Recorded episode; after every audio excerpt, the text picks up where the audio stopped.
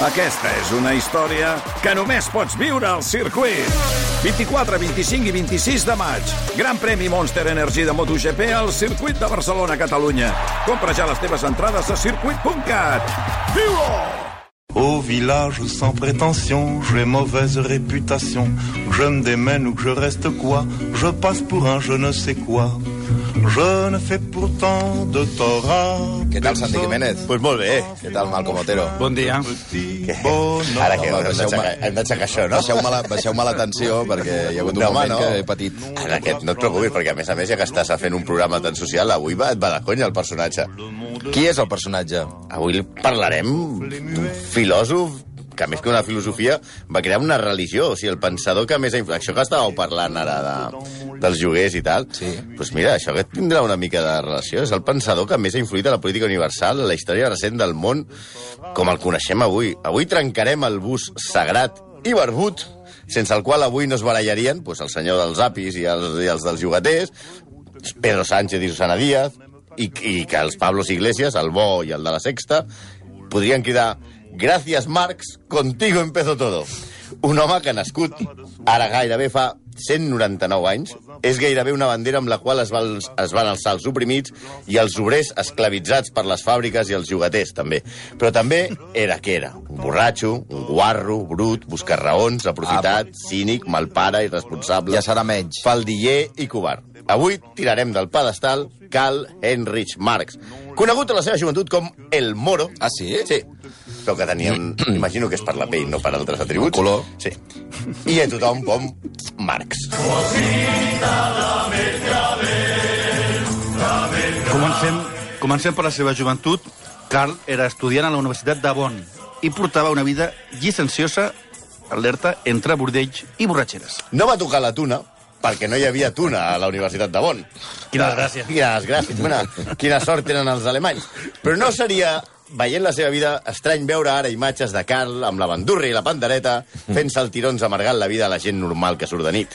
Sí, fins que el, en el primer semestre de 1836 les autoritats universitàries el van fer fora de la universitat. De Bonn? Sí. Sí. Entre d'altres excessos per desordre Al carrer. nocturn, al carrer i, amb, Tu i embriaguesa. si el van fotre fora perquè feia el deruix i tal, i embriaguesa. Embriaguesa, pels de l'ESO, és quan et foses fins a dalt de xupitos, acabes vomitant i li dius a la teva mare que has menjat alguna cosa que mm. ha mal estat. Mm, El fan fora de la Universitat de Bonn i aleshores el seu pare, el pare Marx, el Marx senyor, l'envia a la Universitat de Berlín i al final acabarà doctorant-se a la Universitat de Jena, coneguda en aquella època, l'ambient universitari, com un centre, a veure com ho expliquem, un centre docent en el qual s'aconseguien títols amb relativa facilitat, és a dir, que diguem-ne era la, la, el meca ràpid de les universitats alemanyes d'aquella època, no? Marx, allunyat de la, de, de la seva uh, austeritat marxista, que després va, va, que és la que suposa que tots tenim, d'un home sèrio i, ma, i, i molt auster, eh, ja comença a, te a tenir uns, uns detalls de personalitat diferents, no? Per exemple, el seu pare en aquella època li escriu preguntant-li com és possible que en el curs es gasti més de 700 tàlers a l'any quan els joves milionaris no en gasten més de 500. A veure, no tenim ni idea, ni repajolera idea de quan equivalen 700 tàlers, però sembla que era Otoe Pasta, eh? Sí, aquest mateix estiu, per si l'expulsió de la universitat i dilapidar els diners del pare amb senyores i alcohol no ha prou, el processen per un duel amb armes prohibides. Toma ja. Perquè en aquella època només es podien fer duels a espasa, i el duel va ser amb armes de foc. No sabem què li va passar a l'altre duelis- duelista, ni el motiu de la disputa, però veient la vida de nen pijo borratxo que portava, no sembla que fos per una discussió acalorada sobre el materialisme històric, eh? Com el, que el, el jove Carl no servia per gairebé res, fa el que fan en l'actualitat la majoria de mals estudiants. Es fa periodista. en aquella època, els testimonis que van tractar amb ell el descriuen com a, cometes, dominant, impetuós, apassionat, ple d'una confiança en ell mateix sense límits. I no, no estem parlant de García Ferreras, estem parlant del pare del socialisme. Sí, com s'apuntava abans, la relació de Marx amb els diners no és la que un s'imagina del fundador del comunisme. Per tancar la seva etapa de pocholo a Eivissa, es casa amb un aristòcrata, Jenny von Westphalen. El tio es va pagar una joventut de, Sí, sí, de de xumba-xumba com una, amb una rave contínua, el tio. Ah, sí? Sí, però, i es casa amb aquesta tia. La primer que ha de fer la, la seva dona, aquesta aristòcrata, és pagar-li els deutes contretes amb juergues i putes. Vinga. Sembla que... Cariño, te quiero mucho, págame las putas. Vinga, va, Si tenia va. una llista de creditors Nois. que semblava el gran Vázquez. La dot de la seva esposa donava per viure uns anys bé, però els diners es van esfumar. Marx, que de seguida va captar que allò del periodisme no és tan idíl·lic com sembla, aviat va dedicar-se per complet a la reflexió i, per descomptat, no estava disposat a treballar alienat per altres. Clar, s'ha de constatar que era un home després, això sí. A la seva nit de noces ja perd gran part dels diners que li havia regalat la seva sogra. Una caixa de fusta plena de monedes de gran valor que els nubis se la van deixar oberta a l'habitació de l'hotel. I això no s'ha de fer ja en aquelles caixes fortes. Van baixar a sopar i a la tornada, pam, no hi havia caixa. Què, va què van fer? Una revolució? No. Van trucar a la mama i li van demanar més diners. Sí. Ja, ja vivint a Londres, en un barri dur, bueno, era el Soho, que era un barri molt pijo, però en aquell moment era molt dur, Marx també es va gastar la seva pròpia herència. I mentre la seva família vivia en la penúria, ell, a més de donar suport a revolucions frustrades, s'administrava com un adolescent borratxo. Van haver de viure de petites ajudes que li donava la seva sogra, algun article, ajuda dels dels seus amics, sobretot d'Engels, que fins i tot li va regalar una casa. Vaja, que, que un crowdfunding com el, mm. com el del PSOE. Però la conclusió és aquesta. Marx era un nini. No! Sí, home. Hòstia, el titular és espectacular. eh? Atenció. Marx era un nini. Marx era un nini. I atenció amb el personatge que acabem de descobrir. Frederick Engels. Frederick Engels és una persona molt important a la història, a la història de la humanitat, a la història de Marx i en el conte aquest que us estem explicant avui. Engels era un mili era milionari, era un milionari amb consciència de classe, amb una vasta cultura. Pels de l'ESO, vasta amb B baixa, que vol dir àmplia. La cultura vasta amb B alta és la que fa Risto Mejide. Va. I, I parla, un tio que parla 10 idiomes i que això sí, tenia un petit problema. Li tirava els trastos a qualsevol dona que se li posés a tiro. Ja hi som. Sí, sí, era com un Pipi Estrada de l'època.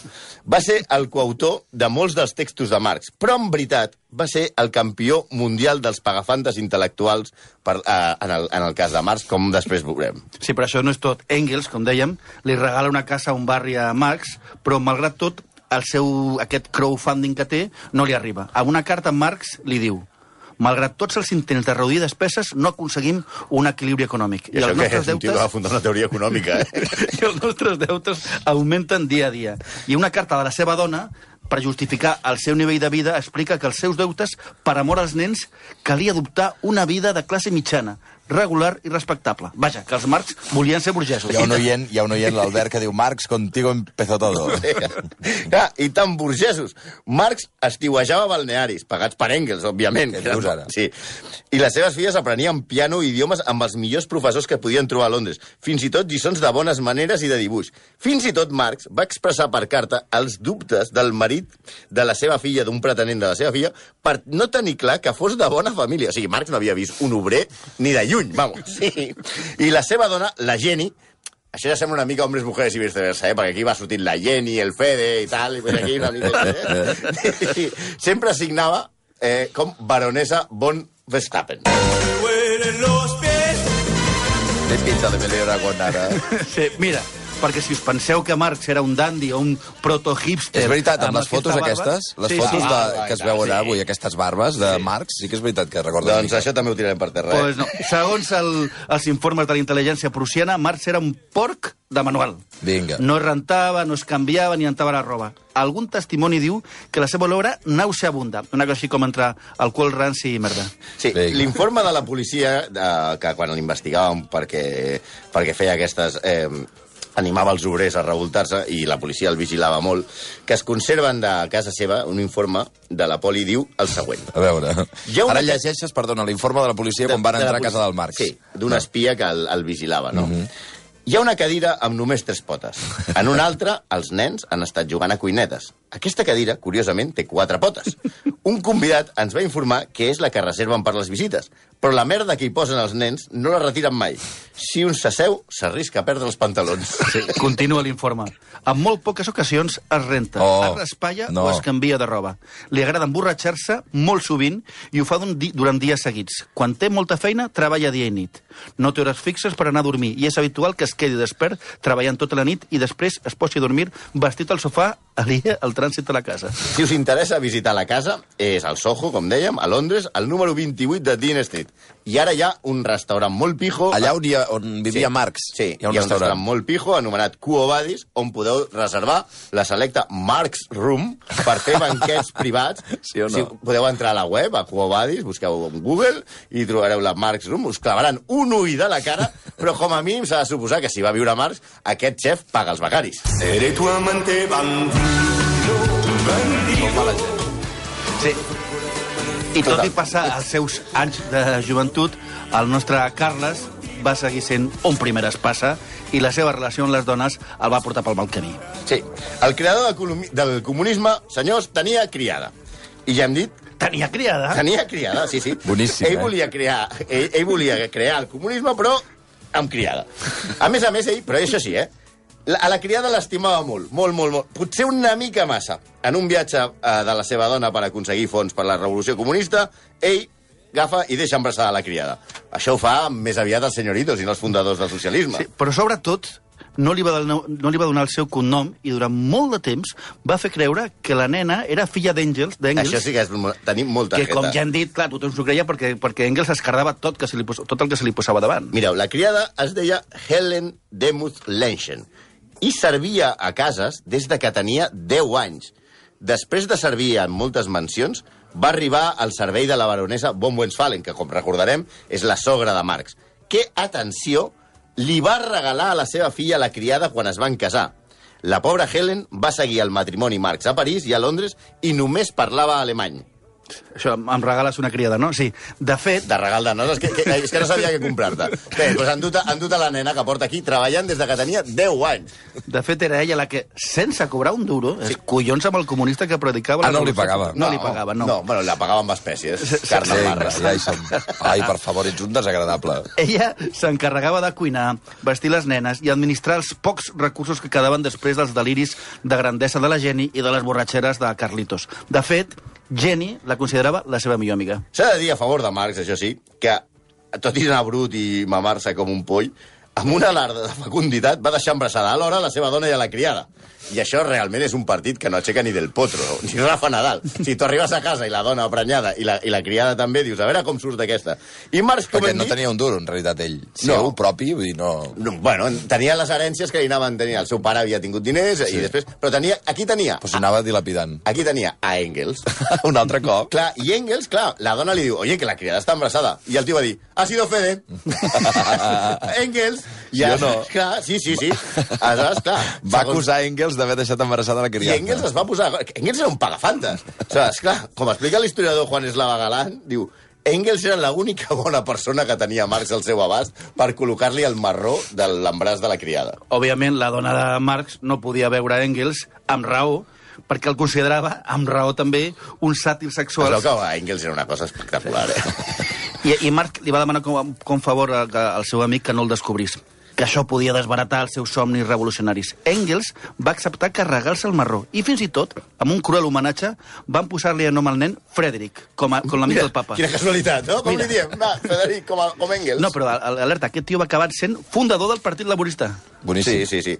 I aquest caràcter així de pitxabrava de Marx no s'acaba aquí. Sembla que, a més d'aventures postibulàries que es va seguir tenint durant tota la seva vida, en un viatge, mentre la seva dona, la Jenny, estava convalescent de Barola, li va agafar per assetjar la seva neboda, que es va resistir. M'imagino que amb la pudor que devia fotre Engels, la, la neboda li va dir, mira, amb tu es fot el llit ta tia. Bueno, ma tia, que és la teva dona, que, Que, dir que és la que és correcte. Que és o sigui, correcte. No, no l'estava enviant a pastafang. No. No. Vés amb la teva dona, sisplau, que en tens una. Exacte. Sí, la, la, pobra, la pobra dona li va donar set criatures, de les quals van sobreviure tres filles. Per cert, de les tres filles, dues es van suïcidar. I això és molt, molt tràgic. A més, ella, la, la dona, transcrivia les obres que Marx escrivia quan estava sobri, clar. Mm. Això sembla poc, però hem de tenir en compte que l'única vegada que Marx va anar a demanar feina a Londres no el van admetre per la seva mala lletra i que només el Capital, l'obra aquesta magna de Marx, té més de 3.000 pàgines. Amb mala lletra. Així que, no, però els que I la dona dient- copiant. Els que I aneu... l'altra fornicant-se amb la criada. Va. Home, per favor. No, però això, una cosa que hem de dir molt seriosa, que aquest... I Engels aquest- pagant. M'encanta la figura d'Engels en tota la situació. No, és el pagafantes oficial, no, però tota la gent que va dient que jo i jo va sati- citant el Capital i tal, no te l'has llegit, company. No, no. Són sis o set volums, no te l'has llegit. Pots citar, si vols, no sé, el manifest comunista, que és més curtet, i això sí ha cola, I eh? a més a més, per acabar, Marx va ser un visionari. Perquè, com expliquen els seus estudiosos, ell va formular totes les seves teories de la, de la dialèctica històrica, de la revolució, la lluita de classes, pensant que el comunisme triomfaria a Anglaterra! I mai va pensar, Pobre. I mai va pensar que pogués instaurar-se a Rússia. El tio despreciava Rússia. Deia, si hi ha un país on no triomfarà mai el comunisme, és a Rússia. O le cal. Això és el que deia el Sí. Marc. Perquè, clar, eren camperols i molt religiosos. Eh? I, i, I, a més, ell no va estar mai a Rússia. Deia, no, no, a Rússia, què collons ha de triomfar el comunisme a Rússia? El comunisme triomfarà amb Anglaterra. Anglaterra. Que és on Visionari, eh? 4 minuts i, i 3 quarts d'onze del matí. Excepcional retrat de, del personatge de Karl Marx amb la seva criada i amb, eh, i amb Engels pagant-ho tot. I tirant-s'ho tot. Um, escolta, no marxeu, No, que ara de seguida no. venen els pantalleros i anem escalfant uh, l'ambient de cara al karaoke Eurovisiu de les 11 del matí. Però abans, com cada dissabte a aquesta hora del matí, els consells dels supermercats consum. Tout le monde me voir pendu, sauf les aveugles, bien entendu.